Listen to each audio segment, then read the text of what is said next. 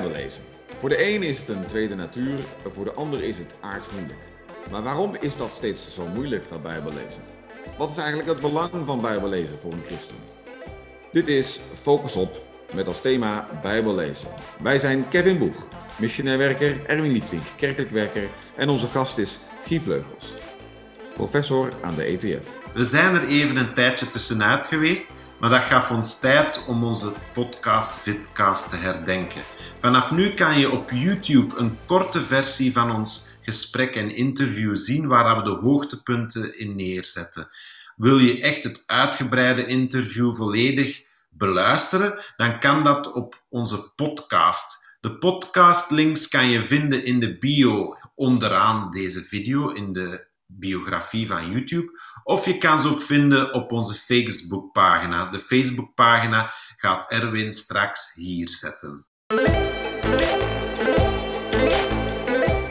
Elke keer stellen we vier persoonlijke vragen aan elkaar rond het onderwerp. En dit, deze keer is het onderwerp Bijbellezen. Dus Erwin, de eerste vraag die we voor ons twee hebben is: welke plaats neemt de Bijbel in jouw leven? Ik zal u voor laten gaan.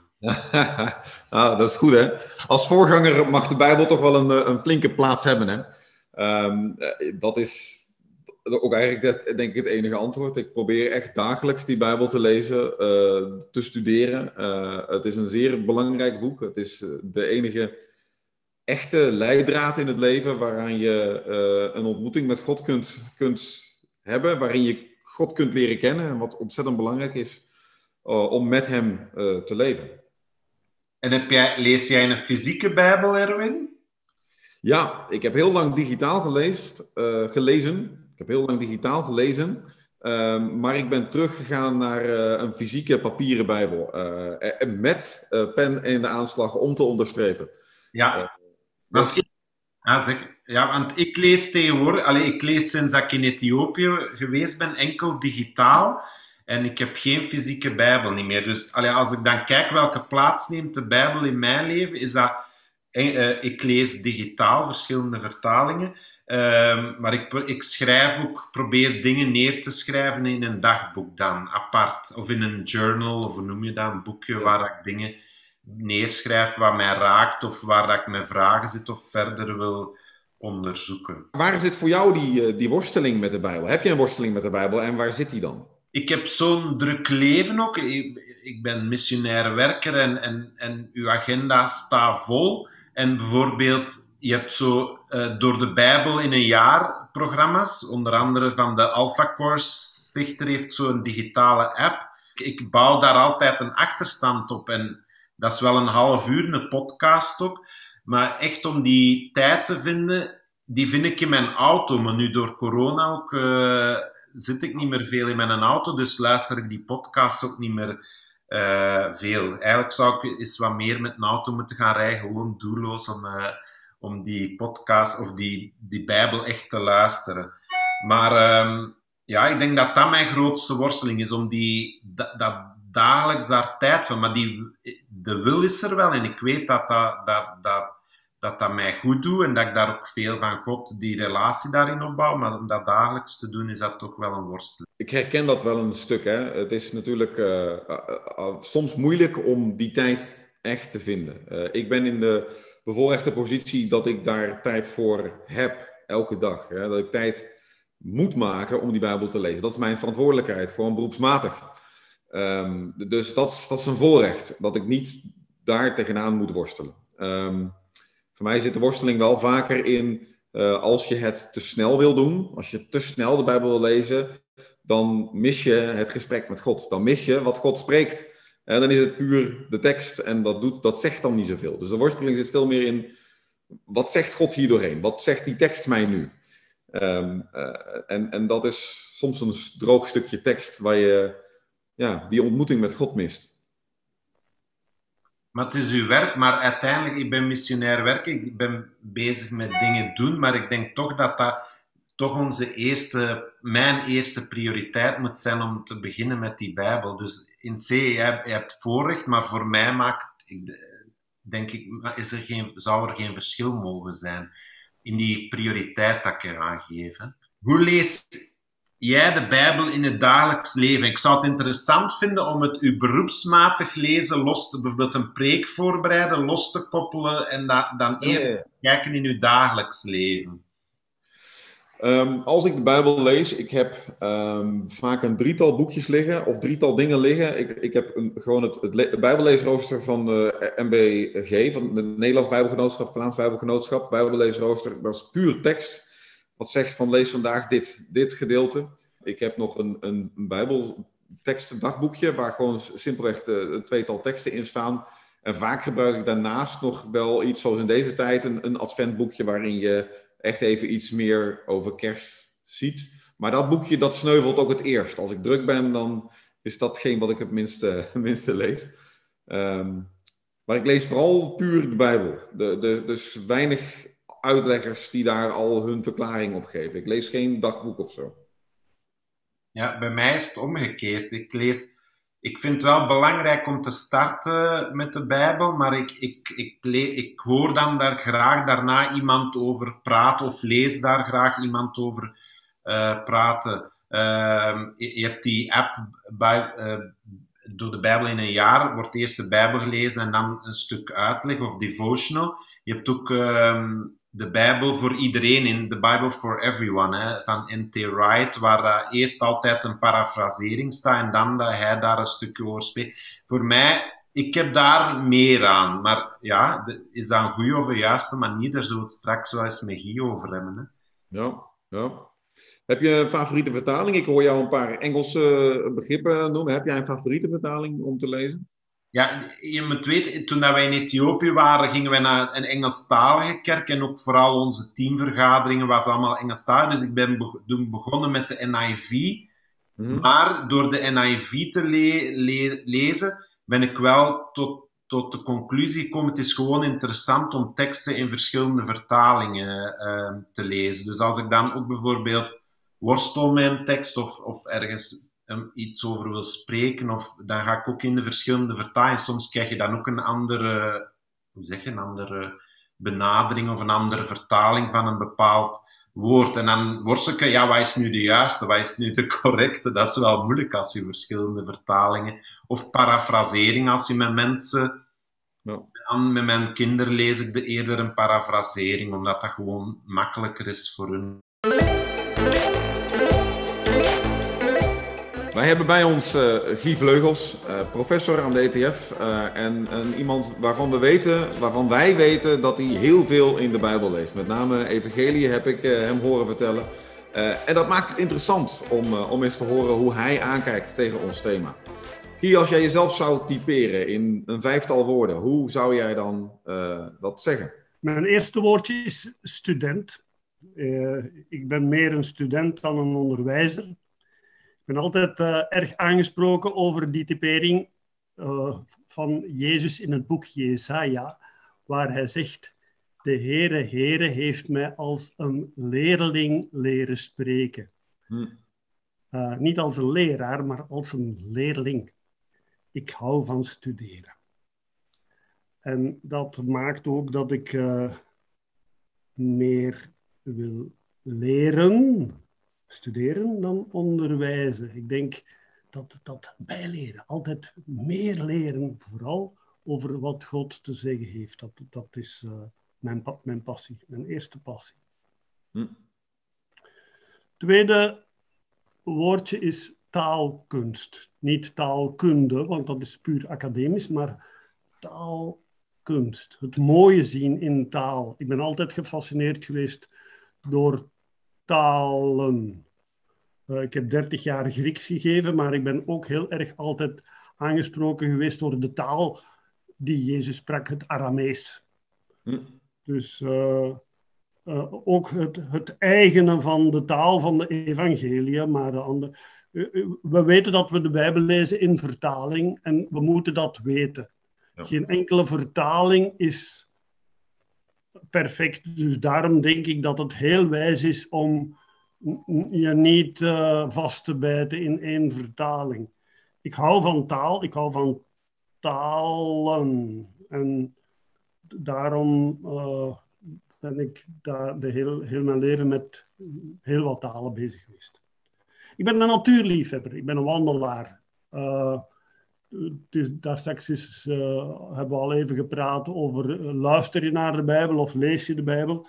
Ik ga heel veel wandelen met oortjes en dan luister ik naar de Bijbel. Maar ik kan het boek ook niet missen.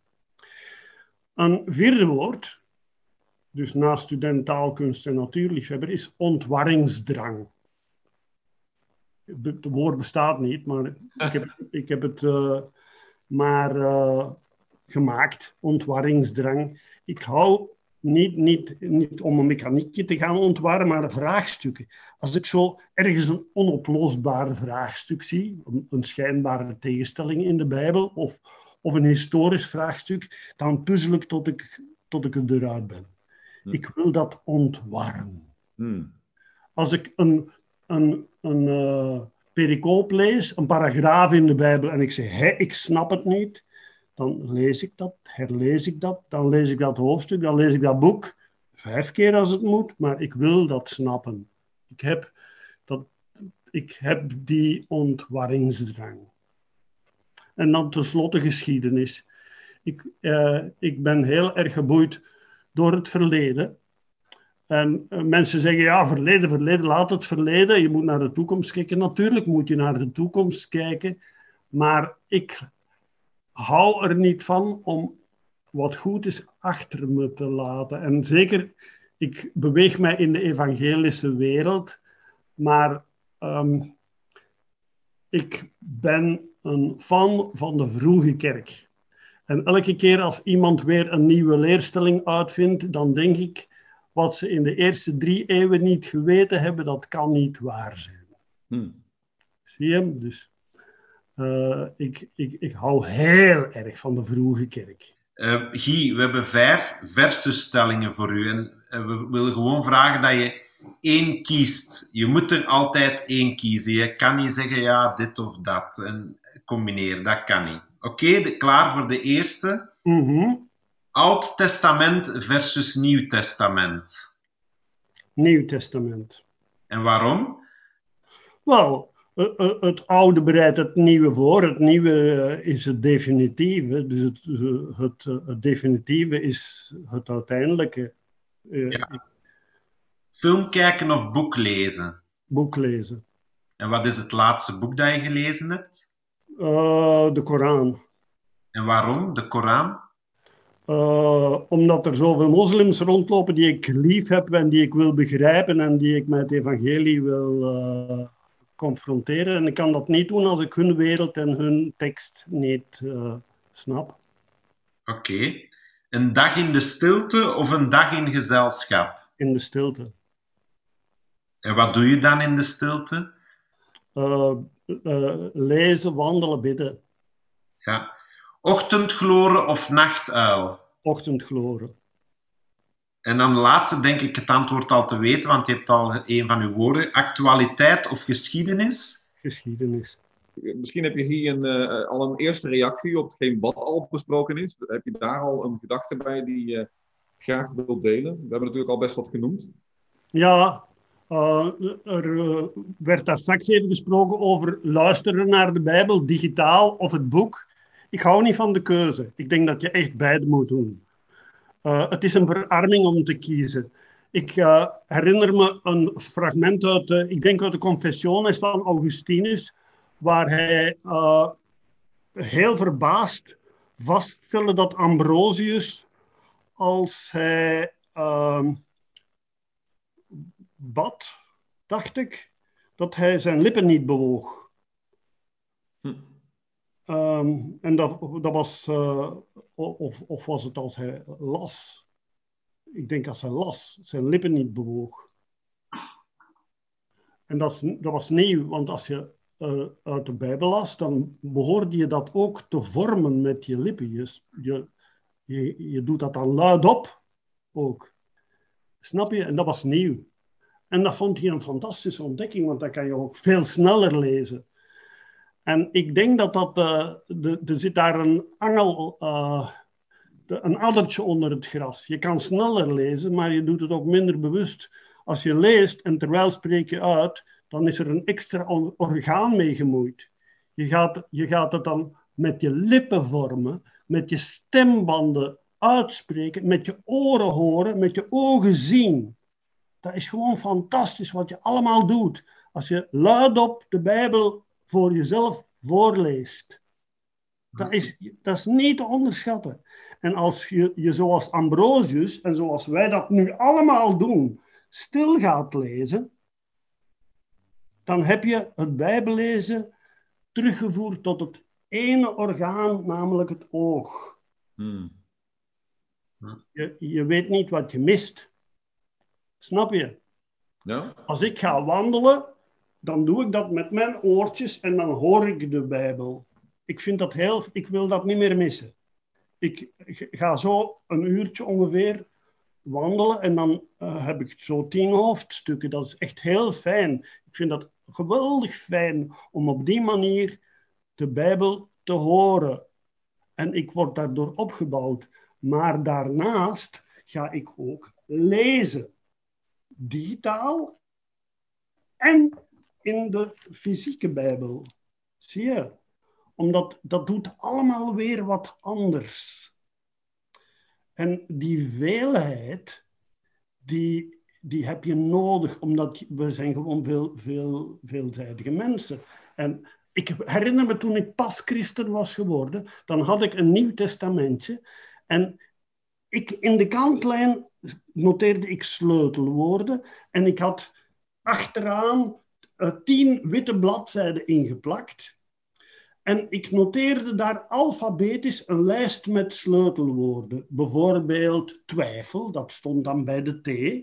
En dan bij, die, bij het woordje twijfel had ik dan een verwijzing naar de, wat voor mij de belangrijkste tekst over twijfel, dat was dan in Jacobus, uh, wie twijfelt lijkt op een golf der zee. Dan stond er verwijzing naar die tekst in Jacobus. En in de kantlijn bij dat vers in Jacobus stond er een, een, uh, een ander vers, namelijk in Matthäus. Ze, ze, ze zagen, Matthäus 28, de discipelen naderden tot Jezus en ze vielen in aanbidding neer, maar sommigen twijfelden. Dus in Jacobus uh, hoofdstuk 1 staat er een verwijzing naar Matthäus 28 en daar staat weer, dat was een, een kettingverwijzing. Zo heb ik, denk ik, een jaar ongeveer, twee jaar, gewerkt aan zo'n eigen kettingverwijzingssysteempje in een Bijbel. Maar... Als, je, als je je Bijbellezen niet beperkt tot één manier, maar je gaat creatief op verschillende manieren daarmee aan de gang, dan blijft het ook gewoon levendig, dan heeft het kleur, dan blijft het ook leuk. Dan, dan zit je te wachten, hé, hey, daarmee verder. Want ik heb nog zoveel witte bladzijden achteraan, achteraan mijn, mijn Bijbel en dat moet zo'n cross-reference systeem worden. We hadden een aantal situaties uh, neergeschreven en uh, worstelingen die mensen mogelijk hebben, luisteraars hebben. Uh, en die willen we je voorleggen en willen we er samen over praten. Dus de, de eerste is, ik lees bijna nooit in mijn Bijbel. Het is zo moeilijk. Hoe begin ik hier nu aan? Ik denk ook van uh, iemand die pas christen is, hoe begint die eraan in de Bijbel te lezen? Hoe helpen we die om in de Bijbel te lezen? Ja, die moet helpen. Moet met gemakkelijk beginnen. Uh, ik, ik raad meestal de mensen aan om te beginnen met het Lucas-evangelie. Dan handelingen. Hè? Hm, ja. Omdat het Lucas-evangelie en handelingen volgen op elkaar. Na, na Lucas en handelingen heb je echt een goed kader. Dat is werkelijk hij, eh, een, een, een zeer, zeer goede basis.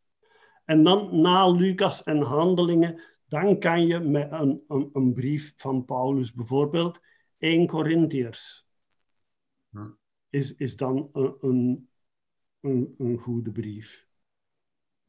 Maar ga je iemand een methode aan is het goed om een, een leesmethode te geven? Of zeg je ja, lees maar en laat het maar binnenkomen? Je moet iemand, je moet iemand niet aan zijn lot overlaten. Iemand moet begeleid worden. Maar ik denk, uh, ik, ik, ik denk uh, dat hangt ook een klein beetje af van het type mensen. Mensen zijn ook geen lezers meer tegenwoordig. Hm. Mensen lezen weinig. Ik denk dat mensen moeten gecoacht en geholpen worden. Maar ik denk op de juiste manier beginnen is wel heel, uh, heel belangrijk. Je haalt daar wel, uh, wel iets aan, hè? Uh, mensen zijn geen lezers meer. En juist voor de, de, de, christelijke wereld is lezen zo intens belangrijk. Hè? Dat is juist een van die pijlers van dat geloofsleven. en dat is wel een ontzettend contrast natuurlijk met de maatschappij. Dat is eh, bijna, bijna niet meer terug te draaien of zo. We mogen blij zijn met, de, met de andere middelen. Je hebt al gewezen op het luisteren naar de Bijbel. Maar ja, uh, hoe, hoe kun je kennis blijven houden? Hoe kun je blijven leren als je het niet tot je neemt op de een of andere manier? Ja, kijk, uh, ik ben altijd een lezer geweest. Voor, voor mijn twaalf jaar had ik honderd boeken gelezen. Dus voor mij was, is lezen altijd zeer vanzelfsprekend geweest. Maar uh, ik ken heel wat christenen die niets anders lezen dan de Bijbel. Ja. Maar die dat wel echt met veel passie en veel vuur en veel plezier lezen. Dat is mogelijk, omdat de Bijbel is toch een uniek boek. Uh, en ik denk dat je dat kan. Je kan dat leren en je kan dat aanleren. En ik geloof dat dat, eh, maar, maar dat moet gecoacht worden. Dus als, als mensen, uh, als je met mensen in contact komt, mensen komen met evangelie in contact, je moet ze de Bijbel aanreiken. En ik denk dat je daar, je moet beginnen met het Nieuwe Testament omdat ik vooral in missionaire midden zit, wordt DBS veel gebruikt, de Discovery Bible Study, waar dat je eigenlijk altijd met vier, vijf vragen zit, waar dat je een tekst leest, dan zeg je van, wat zegt dit over mij als de mens? Wat zegt dit over God? En uh, wat wilt uh, God uh, dat er verandert? En wat ga ik hier nu mee doen? En dat is een methode die heel reproduceerbaar is. Dus als ik iemand dat aanleer, kan die dat eigenlijk de volgende dag met iemand anders samen verder doen. Wat, wat vind je van zo'n methode? Ik ben niet bekend met die methode, maar ja, dat, klinkt, dat klinkt wel, uh, wel goed. Nu, de, het probleem met die vragen is dat dat niet noodzakelijk de vragen zijn die de tekst stelt. Kijk, uh, je moet de vragen beantwoorden die, die vanuit de tekst op je afkomen. Een van uh, de woordjes waarmee ik mezelf heb willen voorstellen was taalkunst. Hè? Maar dat is ook gewoon, ik ben onder de indruk van mensen die daarin slagen om taalkunst te zien. Uh, een van mijn, mijn favorieten is Anton van Wilderode. Ik weet niet of je hem kent, een, een dichter. Dus, uh, hm. uh, dat boek, uh, Anton van Wilderode, Apostel na de Twaalf, dat heeft hij geschreven over het leven van Paulus. Hij was een Bijbelwetenschapper, maar ook een dichter. Ik ben ongelooflijk onder de indruk van de manier waarop die man de Bijbel heeft gelezen. Dit is eigenlijk gewoon een vertaling van de brieven van Paulus. Maar in dichtvorm. Maar hij heeft dat zo eerlijk en zo raak gedaan. Hij is een meesterobservator. De liefde is het die de wet voltooit, geheel de wet.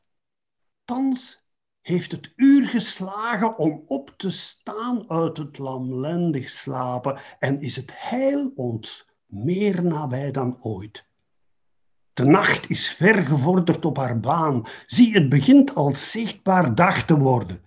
Wil u met wapenen van licht omgorden, de werken van het duister afgedaan en laat ons onberispelijker leven zoals het past in de klaarlichte dag. Geen brasserij of losbandig gedrag, geen ijverzucht, getwist begeerlijkheden. Gij moet uw broeders met de Heer bekleden. Want geen van ons leeft voor zichzelf, geen sterft voor zichzelf alleen. Wanneer wij leven, zo leven wij voor God. Als wij begeven, dan is het nog voor Hem, voor Hem alleen. Want dood of levend, Hem behoren wij.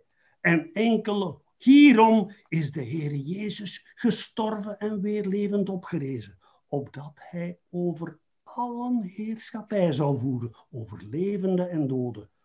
Waarom dan oordeelt en veroordeelt gij uw broeder?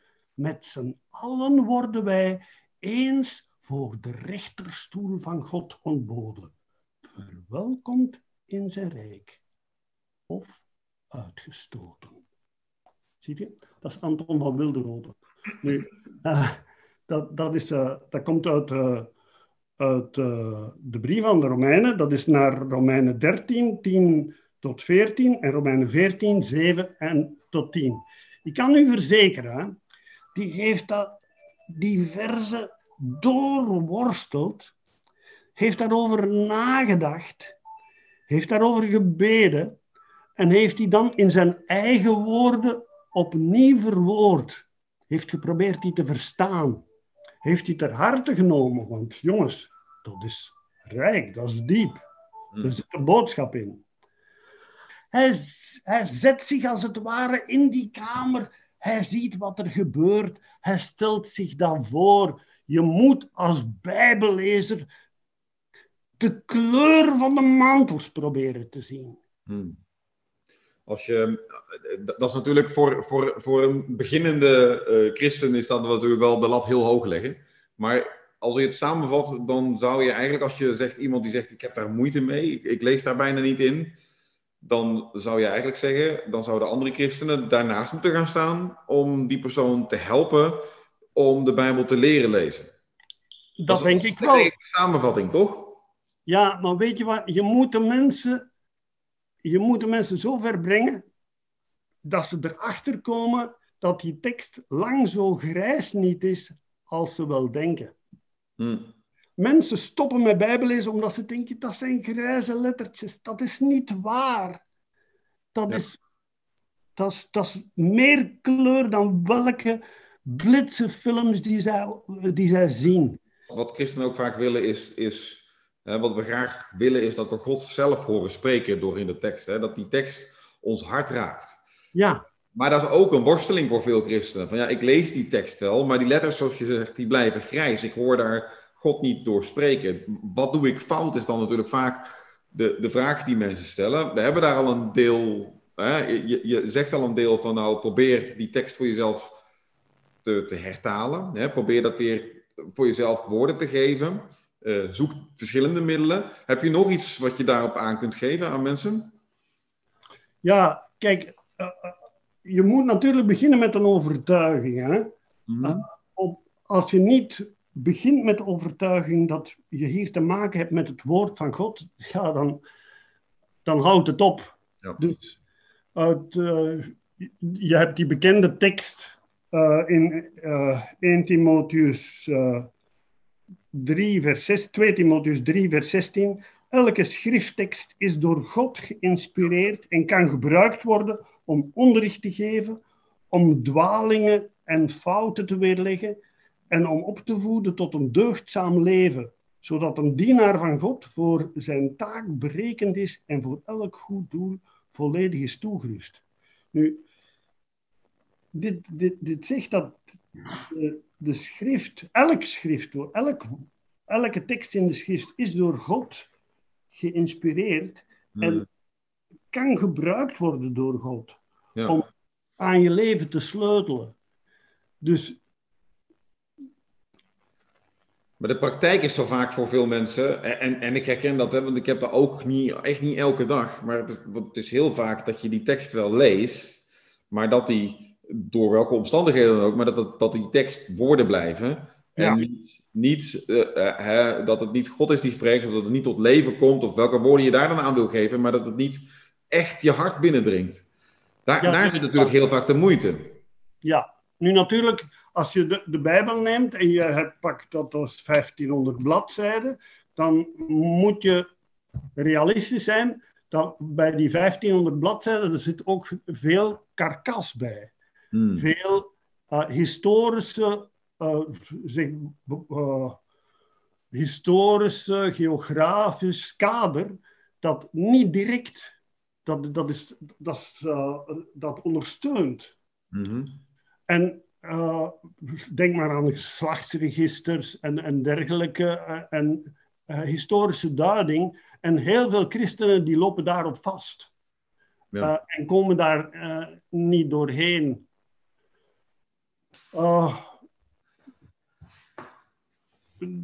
Dat, dat, dat is een, een, een, feit. En daarom denk ik dat je daar de verwachtingen ook niet te hoog gespannen. Je mag niet denken dat als je een geslachtsregister leest, dat elk vers je ziel zal zalven. Het is het geheel.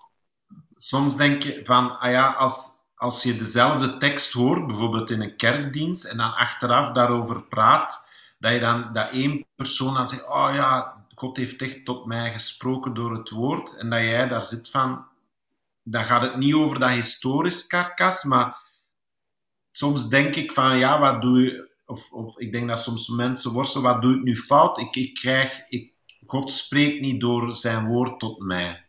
Ja, er zijn daar verschillende redenen mogelijk. Uh, soms is verwachting. Uh, als je niks verwacht, dan zal er heel vaak ook niks gebeuren. En soms is ook uh, het bekende werkt verlammend. Je, als je een tekst al gehoord hebt, er is niets meer verlammend uh, en dat werkt dan juist voor mensen die al wel langer christen zijn, niets meer verlammend dan het bekende. Van ik weet dat al, ik ken dat al, ik heb dat al gehoord, ik ga niks nieuws horen. En je hoort niks nieuws. Wat ik bedoel is, je moet fris lezen. Je moet, je moet als je leest, moet je proberen die tekst te lezen alsof je hem voor het eerst leest. Hm. Maar je, een van onze vragen was ook, als je een bijbelgedeelte hoort en je hoort mensen daarover vertellen, de een zegt, interpreteert dat zo, de ander interpreteert dat zo. En dan denk ik dat sommige mensen daar worstelen van, ja, als de Bijbel Gods woord is, kan er toch maar één interpretatie zijn. Hoe, hoe, zou je daarop antwoorden dan? Er zijn objectieve manieren om een interpretatie te toetsen. Interpretaties moeten getoetst worden. Kijk, uh, voor bijbellezen, bijbellezen is interpreteren. Hmm. Je, je kan niet lezen zonder te interpreteren. Je, je moet de tekst verstaan. Je gaat niet mechanisch lezen. Je moet verstaan. Hè. Wat zegt Filippus tegen die Ethiopiër? Versta je wat je leest? Ja. Versta je wat je leest? Eigenlijk als je leest, moet je constante vragen stellen. Hé, hey, begrijp ik het wel? En begrijp je het niet, lees het dan opnieuw. Want het heeft geen zin om mechanisch te lezen zonder te begrijpen. Maar dan leg je de interpretatie wel zeer individueel. Op een individueel niveau en niet op dan heeft iedereen zijn eigen interpretatie. Nee, nee, interpre zijn eigen interpreta interpretatie betekent gewoon proberen te snappen wat, wat er staat. Dat is toch de bedoeling. Kijk, als ik met moslims spreek en ik citeer uit de Koran in het Nederlands, dan zeggen ze ja, maar de Koran is in het Arabisch. Dat is Arabisch. Dan zeg ik, weet je, dat is blatante onzin. Als de Koran in het Arabisch is en die kan niet vertaald worden, dan, dan uh, uiteindelijk moet hij iets betekenen. Wat betekent het dan? Het moet iets betekenen. Als, als jij hem niet vertaalt, dan versta je hem niet. Als je hem alleen maar vertaalt in je hoofd, dan vertaal je hem ook. Ja. Je vertaalt altijd. Je vertaalt altijd. Je vertaalt altijd. Dat, als je leest, moet je verstaan. Anders ben je niet echt aan het lezen. Dan ben je aan het papegaaien. Dus Mm. een, een echt, een oprecht bijbellezer, die wil niet alleen lezen als oefening omdat hij zijn plicht aan het doen is, omdat God zegt dat je drie hoofdstukken per dag moet lezen. Die gaat de Bijbel lezen omdat hij God wil kennen, omdat hij God wil verstaan, omdat hij God wil gehoorzamen. Maar jouw, jouw uitdaging is dus eigenlijk, als ik hem goed probeer te, te begrijpen, jouw uitdaging is: neem die waarheid niet voor lief, maar zoek en blijf zoeken tot je echt begrijpt en verstaat wat de tekst zegt. Ja, tuurlijk. Tuurlijk. Ja, kijk, eh, ja, ik eh, hou zo van die vergelijking van Luther en zijn appelboom. Hè. Hij zegt als je Bijbel lezen is een beetje zoals appels plukken. Je, je begint met de schudden aan de boom en er vallen eraf. En dan rek je en je rekt nog. Misschien ga je op een ladder staan. Uiteindelijk klim je in de boom tot onder de verste takken de laatste appel eraf te halen. Zo is dat ook met, met bijbellezen of bijbelvorsen. In het begin, dan wat, wat evident is, daar raap je zo wel. Maar uiteindelijk moet je zoeken om te vinden. Ik, eh, ik zit hier met twee mensen die theologie gestudeerd hebben, Erwin. Klopt? Ja. Maar de eh, vraag, want zeker wat je daar nu sprak over hermeneut- hermeneutiek, dat was een, een woord dat ik tot eh, voor een jaar geleden nog nooit had gehoord, of wel gehoord, maar waarschijnlijk altijd zeg wat betekent dat. Dus ik heb geen theologie gestudeerd. Dus dan is de vraag van veel mensen zit dan met de vraag: ja, kan ik de Bijbel dan wel goed lezen? Want je moet het woord verstaan, dan moet je de grondtekst verstaan. En stel nu de vraag van, vanuit het standpunt van een niet-theoloog: van ja, dat mis ik wel. Dat is wel een heel spectrum aan informatie eh, dat ik mis. Wat zou je tegen. Want de meerderheid van de christenen hebben geen theologie gestudeerd. Wat zou je dan tegen hun zeggen? Kan ik de Bijbel wel goed lezen als ze dat vragen? Wel, dan zou ik zeggen, sluit je niet op in één vertaling. Je moet afwisselen. De herziene statenvertaling, dat is een, een, een formele, een betrouwbare vertaling. De nieuwe Bijbelvertaling is een zeer degelijke vertaling, heeft ook zijn gebreken. Maar ik zou zeggen, je moet afwisselen. Hmm.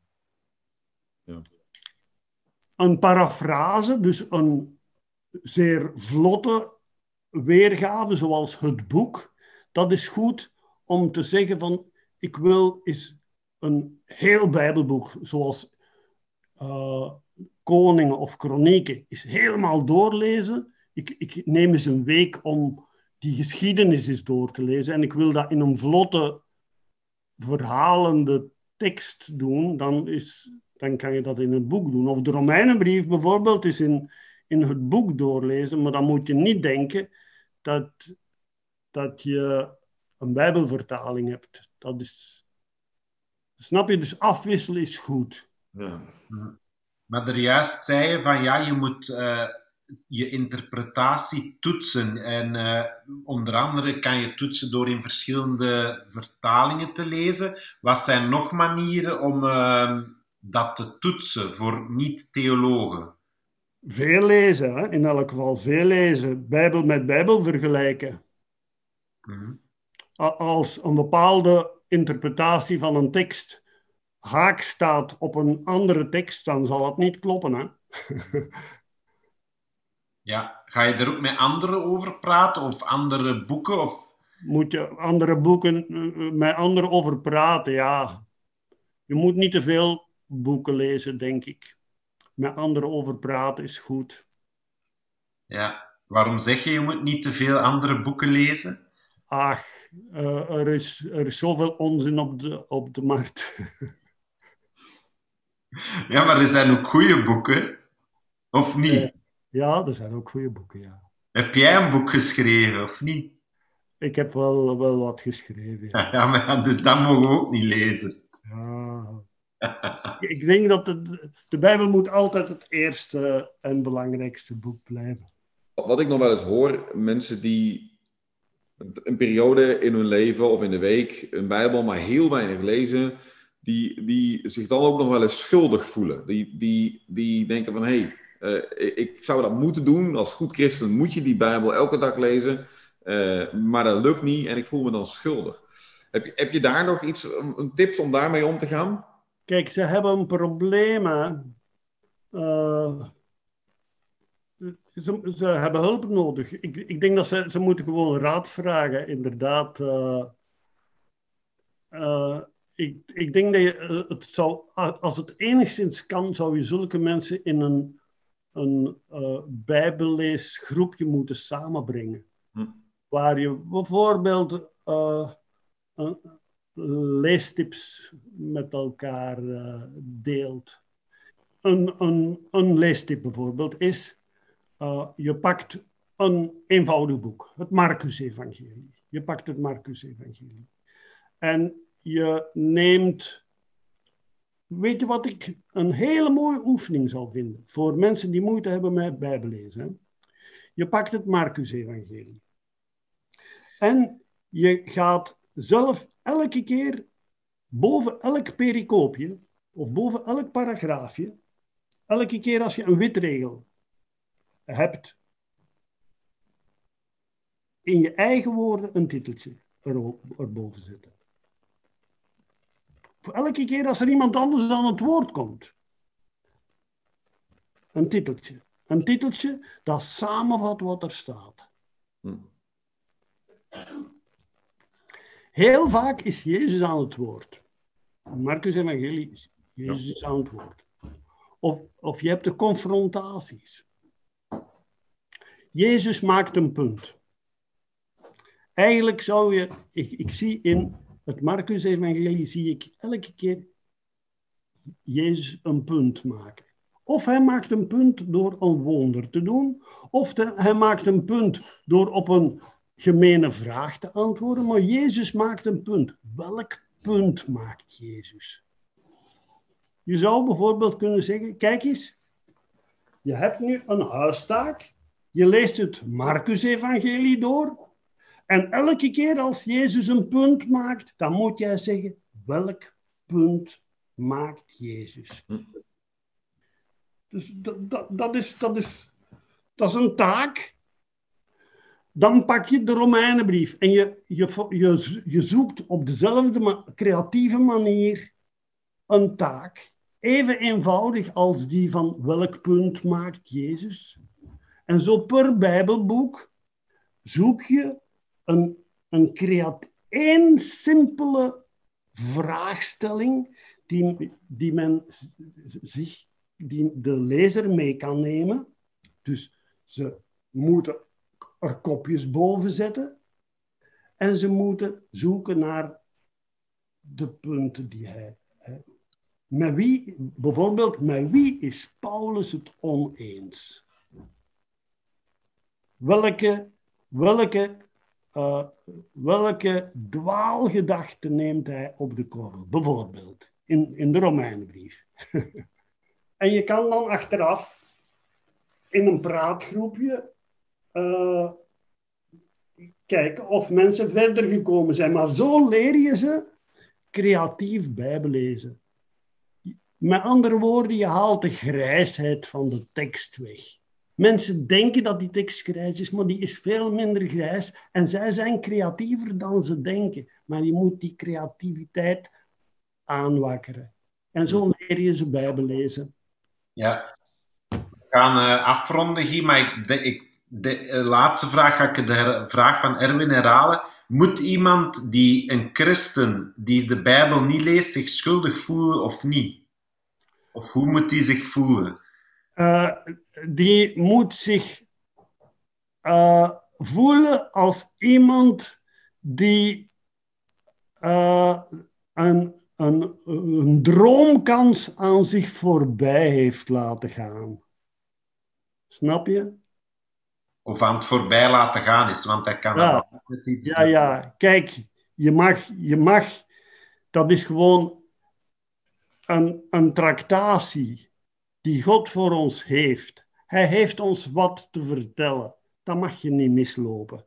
Eh, mensen doen dat niet om God een hak te zetten. Hè. Niet in de Bijbel lezen. Die, die zeggen van, kijk eens, God, je hebt mij wat te vertellen en ik wil gewoon niet luisteren. Ik stop mijn oren toe. Dat is echt niet hun bedoeling.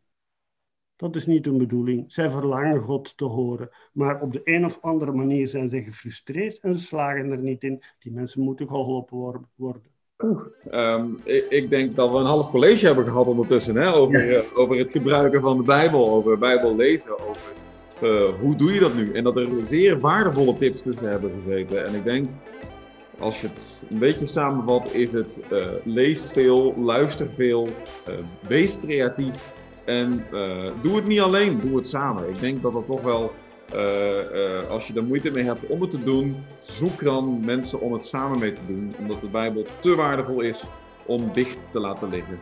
Die moet geopend en die moet gelezen. Mooi, dank u wel.